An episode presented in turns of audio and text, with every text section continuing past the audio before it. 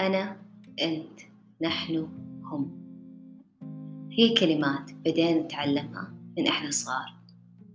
كلها بهدف إننا لما نجي نعبر نعرف مين الشخص المقصود أو الأشخاص المعنيين في الحدث أو الموقف. ولما نجي نعبر عن آرائنا نحاول نوضح هل هي من منطلق شخصي أو من مفهوم وعي جماعي. وهل الرأي اللي نشاركه تكون على مر الأعوام من تأثيرات عوامل خارجية ولا من تجارب شخصية ودوافع داخلية خلال التجربة سألنا أنفسنا وتساءلنا ما هي الصورة الحقيقية لنا؟ هل هي الزاوية المظلمة اللي نحاول نتجنبها؟ هل هي الأفكار اللي تراودنا بعد منتصف الليل؟ لما النوم ما يتجاوب معنا بالرغم من وضع رأسنا على الوسادة بعد يوم حافل. هل هي الأنا اللي إحنا مو معطينها أهمية في حياتنا اليومية؟ الأنا المزدحمة والمتشعبة والمركونة في الزوايا الغير مكتشفة.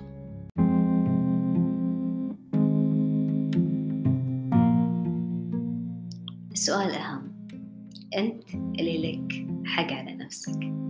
هل حاولت تتساءل بين الحين والآخر مين أنت؟ هل أنت وظيفتك اهتماماتك عاداتك ولا المجتمع اللي يحيطك؟ مين أنت إذا جردت نفسك من كل هذه الأمور؟ مين أنت اللي راح تبقى بينك وبين نفسك؟ من هذا المنطلق بدأ التساؤل يشغلني كل سؤال كان يجر سؤال يتبعه. اللي توصلت له وما زلت قيد البحث للوصول له هو كوني شخص بلا هوية محددة.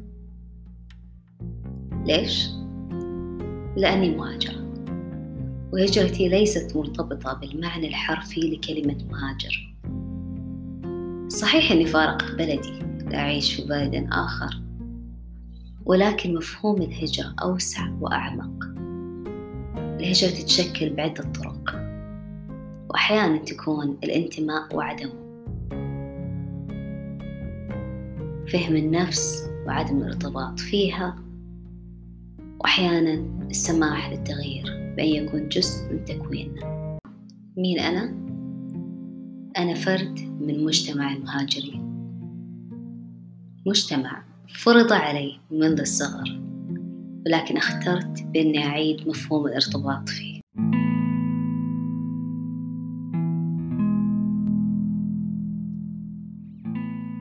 كلنا غير باقين وهل هالشي يعني بأننا جميعا مهاجرين؟